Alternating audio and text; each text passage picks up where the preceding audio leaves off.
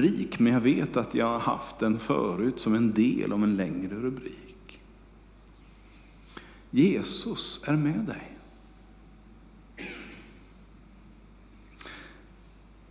När vi har funderat på den här hösten, jag och Carro, så har vi tänkt i termen kyrkan som gick vidare.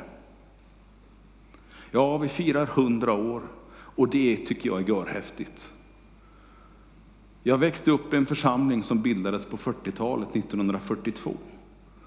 Det är ju bara barnet jämförelsevis. Jag hoppas ingen är rädd för åskan. Skulle det bli strömavbrott så sitter vi bara lugnt kvar, eller hur? Vi kan vinkla upp det här lite grann så kommer det in ljus och så kommer snart strömmen tillbaka. Och annars så höjer jag rösten och så kommer jag till dig och predikar om det är så att du hör dåligt. Så eh, det är lugnt. Men Paulus, han möter ett tilltal ifrån Jesus själv. När han är i Korint. Och Korint, det var en ganska central stad i, eh, runt Medelhavet på den här tiden. Det var ett antal städer som lyftes upp och som sticker ut lite grann i historien dessutom. Korint hade ungefär 50 000 invånare. Kan det vara som Skövde? Är det så? Cirka? Lite större än, än Tibro. Mm. Han var där på sin andra missionsresa. Han har varit en liten tid i Aten och där förfasats över alla avgudabilder. Kommer ni ihåg de där berättelserna? Men så kommer han till eh, Korint där en hel del kommer till tro. Så också synagogsföreståndaren Sostenes, som jag upptäckte igår, faktiskt sen är med och skriver det vi kallar för första Korinthierbrevet. Han och Paulus hälsar till församlingen i Korint och då har Sostenes och Paulus eh, förflyttat sig till Efesos. Men han är en av de första som blir frälsta i Korint. Församlingen i Korint bildas med mycket glädje och mycket förhoppningar. Men möter också ganska många riktigt svåra saker. Korint som stad var ingen duvunge, det var ingen enkel historia. Där fanns det mycket som eh, vi skulle tycka var märkligt eh, idag. Det fanns mycket som inte stämde med hur eh, Bibeln beskriver att man ska leva. En del hånar den nya församlingen och inte minst Paulus och ställer till och med de nykristna inför domstol, anklagas på helt falska grunder. Då får Paulus det här tilltalet som jag ska läsa. Det är i Apostlagärningarna kapitel 18. Texten kommer på väggen om inte Blixt och åska har slagit ut alltihopa. Jajamensan, där har vi det. Det är två verser som jag tänkte läsa. En natt sa Herren i en syn till Paulus, var inte rädd, utan tala och låt dig inte tystas. Jag är med dig. Ingen ska röra dig eller skada dig, för jag har mycket folk här i stan. Var inte rädd. Tilltalet gjorde att han stannade hos dem i ett år, lite drygt, och var med om fantastiska saker under den där tiden.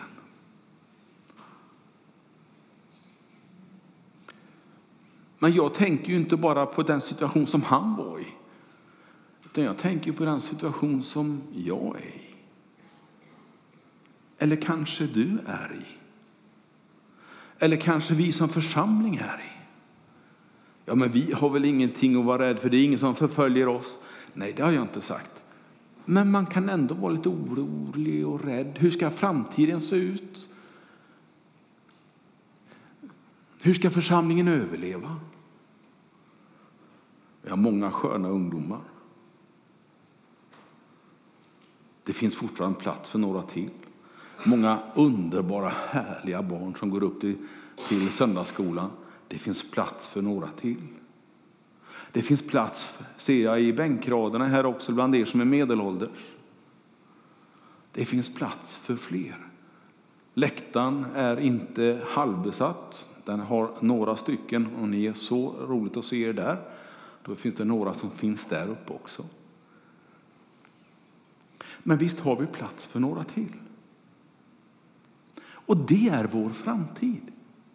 Vår framtid är, består i att vi bjuder in människor till Guds rike. Vår framtid består inte i bara att våra barn och deras barn och så vidare kommer med i kyrkan. Det räcker inte. Ja, om alla har fyra, fem som vi har, då, då blir det en ökning rent matematiskt liksom på det sättet. Men vi behöver bli fler. När jag läser min bibel, när jag läser den här texten så fylls jag med ett, en tillit till honom som har kallat mig att vara hans. Inget kan ta mig från hans famn, sjöng vi. Inget kan slita mig från hans kärlek. Var inte orolig för din framtid. Var inte orolig för att du är ung och ser framför dig en miljöförstöring eller ser framför dig eh, människor som, eller till och med ditt eget liv där du inte får ett jobb.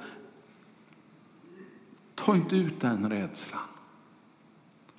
Lägg oron i Guds händer. Det är inte säkert att allt löser sig den dagen jag blir frälst. Ja, det vet jag ju. Jag har varit frälst så länge så det vet jag ju att det är så.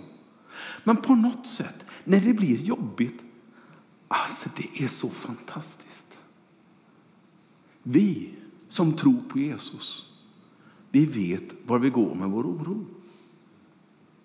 Vi vet vem vi ska tala med för att få bli fyllda av mod igen. Vi vet hur vi ska gå med vår rädsla.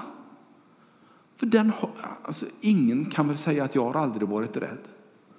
Utan alla har väl känt det denna gång, antar jag. Och min önskan är att den här förmiddagen skulle få bli en, en visshet i ditt hjärta om att det du känner oro för kan du gå med till Gud. Och om han inte löser det på stuberten, vilket händer ibland, utan det tar ett tag, så under tiden behöver du inte vara orolig, för du är i hans händer. Har du en gång sagt Jesus, jag vill leva tillsammans med dig. Då har han sagt, jag ska gå med dig alla dina glada dagar, alla gånger när du får fullt ös och rätt på alla prov och frågor. Alla dagar när du har en riktigt lyckad dag på jobbet. När ordrarna strömmar in. När eh, alla eleverna du har som lärare sköter sig perfekt. Han är med dig. Men du, alla de andra dagarna. Han är med dig då med. Var inte rädd. Ibland behöver vi påminna varandra om det här och det skulle jag vilja göra idag. Påminna dig om, du behöver inte vara rädd eller orolig. Vi har med Jesus att göra. När det gäller det som ligger framför så gör det du kan. Det tror jag himlen, det tror jag vår Herre förväntar sig av oss. Gör det du kan. Var lite på alerten. Var med, men låt honom stå för miraklerna. Låt honom stå för det du inte kan. Låt honom stå för att fylla på med kraft så att du orkar att bära det du får bära. Alltså, var inte rädd. Då menar jag inte att livet blir bekymmerslöst. Det är inte samma sak för mig. Var inte rädd. Det innebär att jag har någonstans att gå med mina bekymmer och få tröst, få rikedom, få hjälp. Jag tänker på för så många år sedan, så jag vet inte riktigt. Jag var nog kanske 17 år fyllda eller någonting i den stilen när jag livrädd ställde mig för första gången i ett tältmöte och skulle liksom eh, ha ett vittnesbörd. Vi var ute och åkte med ungdomskören och jag skulle vittna. Det var så här i början på, på eh, september eller slutet på augusti. Jag talade om att gå till skolan, för det var det jag skulle göra. Jag var inte rädd, men jag hade många kompisar som var oroliga inför skolstarten. Och jag talade om Jesus, att han var med i skolan. Han var med på jobbet. Han var med. Och vet du, det har inte förändrats trots att det har gått väldigt många år sedan dess. Jag skulle vilja uppmuntra dig att tala om den tro du har. Du måste inte ha varit med om fantastiska underverk och mirakler. En del får vara med om det, men inte alla. Men jag är säker på att om vi börjar snacka en stund så kommer det snart att dyka upp saker som du har bett om, som du har varit med om i din tro, som kan vara värt att berätta för andra människor. Men vi luras att tro att det där är väl ingenting. Nej, det är väl ingen som bryr sig i den där upplevelsen, i den berättelsen, i det du har på ditt hjärta. Tänk att jag tror att det är precis tvärtom. Jag tror att människor längtar efter att få höra dig berätta om du har, du, du har varit med om tillsammans med Jesus. Vi ska naturligtvis inte använda varje lunchrast till detta enbart. Vi behöver lite mat också på lunchrasten. Vi, vi behöver kanske höra någonting annat också. Men jag tror inte att vi riktigt är där än att hela vår lediga tid går åt till detta. Utan jag tror att vi gör det lite för lite istället. Prata om din tro. Var inte rädd. Det håller. Din tro räcker. Och Det märkliga är, när man väl börjar prata om det, då är det precis som att man får mer. Man hittar mer att prata om. Det händer mer runt omkring mig som jag kan nämna för någon annan. Eller som jag kan berätta när jag kommer hem för att uppmuntra Ingrid eller någon annan nära omkring mig. Och du som är rädd för församlingens framtid. Du, Guds församling går inte omkull. Guds församling faller inte platt till marken så länge han får vara församlingens herre. Så länge Jesus får ha den plats han vill ha i sin församling så kommer inte församlingen att gå omkull. Knutby då? Ja, var Jesus herre i den församlingen? Det går väl att diskutera, eller vad säger ni? Den församlingen finns inte idag. Vår församling Ja, vi har inte alla rätt. Vi har inte gjort rätt alla hundra år vi har existerat. Det har hänt saker och det sker saker. Men på något sätt så finns viljan där att låta Jesus som har dött för oss få vara vår Herre. Och så länge det är så har jag en tro på att den här församlingen kommer att klara många år till. Inte i misär och nederlag, utan jag tror att vi ska gå framåt. Jag tror att vi ska utvecklas. Jag tror att vi ska bli fler. Ja, det är inget peptalk det här. Ja, det kanske det är. Men det är inte liksom det som är utgångspunkten. Utan jag skulle vilja placera Jesus mitt i där du känner oro. Och ersätta lite granna av din oro med en tilltro till honom som har frälst din själ, till honom som har skapat, till honom som har gjort det möjligt att det kan dundra och blixtra som vi nu kan förklara men som man förr i tiden trodde var gudarnas verk. Men han har gjort det möjligt. Texten skriver också jag är med dig, ingen ska göra dig eller skada dig. För jag har mycket folk här i stan. Det fick Paulus höra. Han hade nog ingen aning om det tror jag. Han trodde att de var ensamma. Ta en titt på Tibro. En fantastisk stad. När jag satte mig ner och började räkna lite försiktigt hemma och tänkte på hur många som samlas eller som har möjlighet, om vi säger så, att samlas till gudstjänst. Hur många finns det i vår församling? Hur många finns det i, i Ekumeniakyrkan? Hur många är det i Kroppetorp? Hur många är det i den assyriska församlingen som finns? Hur många är det i, i Svenska kyrkan? Jag kan inte räkna alla medlemmar i Svenska kyrkan, för det blir liksom lite konstigt. Då skulle det nog vara över 100 procent kanske i den här stan som går i kyrkan, men, men det går ju inte. Men jag tror att jag kommer upp i tusen. I så fall är det ungefär en på tio. Det är inte många städer i Sverige som har det så. Där vi bodde förut i Vallentuna, där var det definitivt inte så. Där var det kanske 300 i stan på 30 000. Vi har mycket att vara tacksamma för. Men ska vi då lämna de nio som är kvar åt sitt öde? Och säga ja, det är så att vi har ju kommit så långt, 10 procent om man nu ska räkna lite positivt och sådär. Jag kanske överdriver, men det är i så fall inte jättemedvetet. Ska vi då lämna de där nio? Nej, jag vill inte det. Jag vill fortsätta och inbjuda till gudstjänst. Jag vill fortsätta uppmuntra dig. För det är på dig det hänger. Det hänger inte på mig. Jag kan inte nå de här nio av tio. Jag kan inte nå de här 90 procenten. Inte ens om jag ägnade all min tid och strunta fullständigt i allt annat så skulle det funka. Jag tror att det är du och jag tillsammans som kan göra någonting. Ett erbjudande om vänskap. Ett erbjudande om gemenskap i en församling. Någonting som många saknar. Väldigt många. Som du räknar som självklart. Ja, men jag har ju kyrkan. Församlingen finns ju alltid. Där träffar jag alltid folk som tycker det är kul. Det är inte alla som har det så.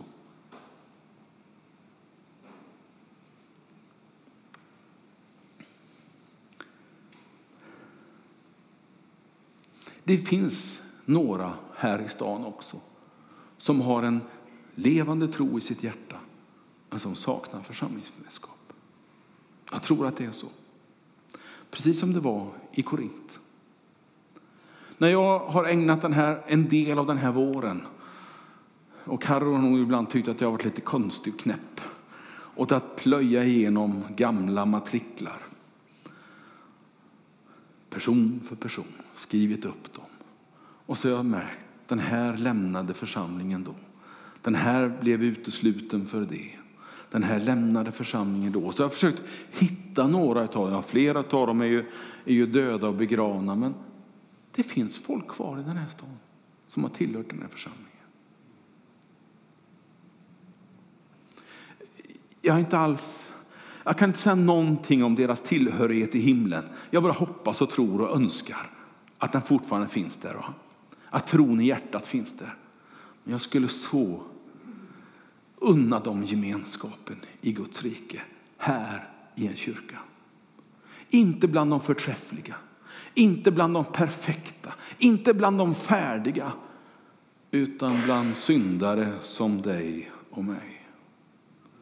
Där vi också vågar erkänna att vi gör fel och att vi inte är perfekta. Vi ska inte skryta med det, för det är inte tanken. Men vi ska inte tro att vi är bättre än andra människor bara för att vi har världens bästa Jesus att tro på. För det är han som är det bra. Och jag som bara är mänskligt, jag som bara är, jag bara är ju den jag är. Jag försöker och jag ber Gud om hjälp att bli lite bättre. Och ibland så går det väl något sånär och sen så kommer det en dag och så um, då får man sig en knyck igen och så tycker man att det är ingen idé att fortsätta, jag lägger av. Jag hade en period i mitt liv när det var så. Jag vågar inte. Jag vågar inte predika. Jag tyckte inte jag dög. Ingen skulle vilja ha mig. Vem vill ha en sån? Och så var det precis som om jag och djävulen satt och förhandlade. Allt mina misstag radade han upp och sa, ja, men kolla här, du är ju sån här. Ingen församling vill ens närma sig dig som predikant. Nej. Och jag skyllde på en del. Jag skyllde på att jag hade en stor familj som behövde att jag tog hand om det. Och jag hade en väldigt bra intressant jobb på en skola. Ja, det... Men sen till slut så det gick inte längre. Kallelsen blev för stark. Jag sa okej okay, Gud, men då får du ta mig som jag är. Jag, jag kan inte förändra mig från nu och, och eh, på några månader. Det går inte Gud. Är det okej okay att jag är som jag är?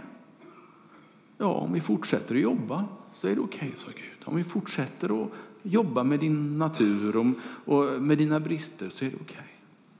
Och så här långt har jag kommit. På tre år så tror jag ni har lärt känna en och annan brist hos mig. Och ändå så kommer du och lyssnar när jag predikar. Visst är det så med våra tillkortakommanden att de finns. Och vi vet om dem. Men det får inte slå ner oss och hindra oss från att berätta vem Jesus är. Var inte rädd för att prata om din tro. Han är större, han är bättre än vad du och jag kan tänka. Vem är han som står på min sida? Vem är han som ger mig mod och hopp och trygghet för varje dag? Himmelen och jordens skapare talas det om ibland. Han berättas som uppehållaren av den här världen. Han har ganska jobbigt med andra ord. Han är försonaren mellan människor, mellan människor och Gud. Han är den som ställer det till rätta när han får en möjlighet.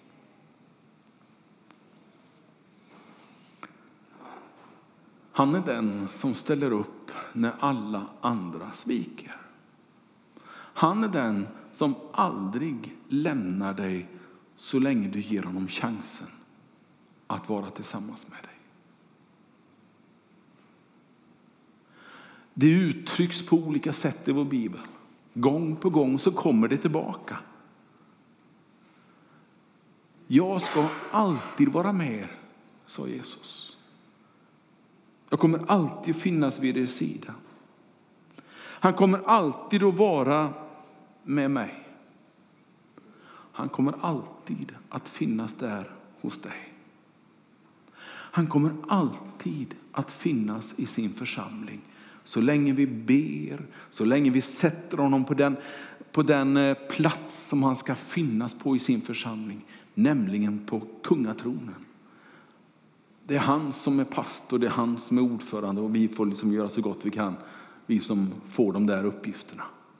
Men det är han på något sätt som är vårt stöd och stöttning.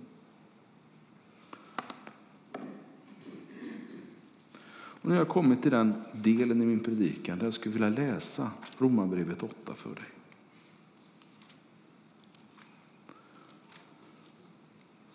Jag har aldrig hört om någon som har sagt att du predikade för kort idag, men jag ser att det är lite kortare än vad jag brukar.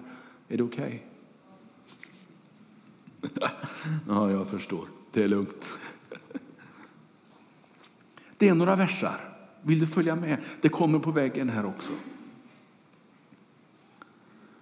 Det är han som är orsaken till att inte du behöver vara rädd. Det är han jag ska beskriva. Det är han som Paulus skriver om till romarna. Det här är efter han skriver till korintierna. Det här är efter han har skrivit eh, och varit med om apostlärningarna. Det här är hans vision av vem Jesus är i hans liv. Om Gud är för oss, vem kan då vara emot oss? Han som inte skonade sin egen son utan utlämnade honom för oss alla. Hur skulle han kunna annat än att också skänka oss allt med honom. Vem kan anklaga Guds utvalda? Gud är ju den som frikänner. Vem är det som fördömer? Kristus är den som har dött. Ja, än mer. Den som blivit uppväckt och som sitter på Guds högra sida och vädjar för oss. Vem kan skilja oss från Kristi kärlek? Nöd eller ångest, förföljelse eller svält, nakenhet, fara eller svärd. Det står ju skrivet, för din skull så dödas vi dagen lång, vi räknas som slaktfår. Men i allt detta vinner vi en överväldigande seger genom honom som har älskat oss. För jag är viss om att varken död eller liv, varken änglar eller förstar, varken något som nu är eller något som ska komma, varken makter, höjd eller djup eller något annat skapat ska kunna skilja oss från Guds kärlek i Kristus, Jesus, vår Herre. Var inte rädd. Jesus är med dig. Herre, du som är föremålet för vår lovsång. Du som är den vi vill upplyfta och säga vårt tack till. Som vi vill upplyfta och säga vår lovprisning till. Du som följer oss i vår vardag. Du som är med oss i vårt liv varje dag.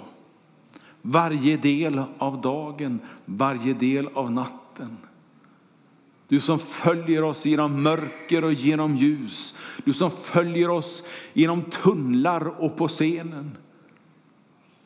Herre, jag prisar dig. Jag tackar dig för den hösten som vi ska gå till mötes. När människor kommer att få höra talas om dig och vad du gör i människors liv. Här i Tibro, här ibland oss.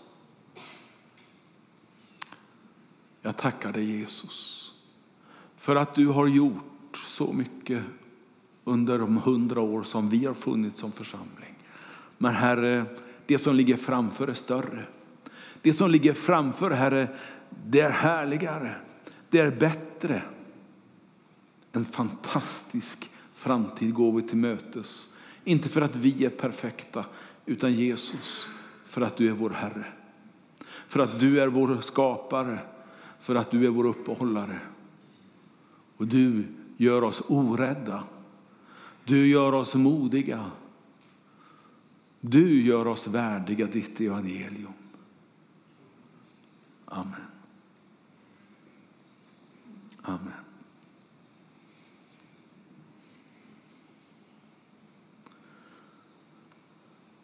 Tack Jesus. Varsågoda och kom upp här och sjung tillsammans med oss lite grann. Jag ska också be att ni som har förberett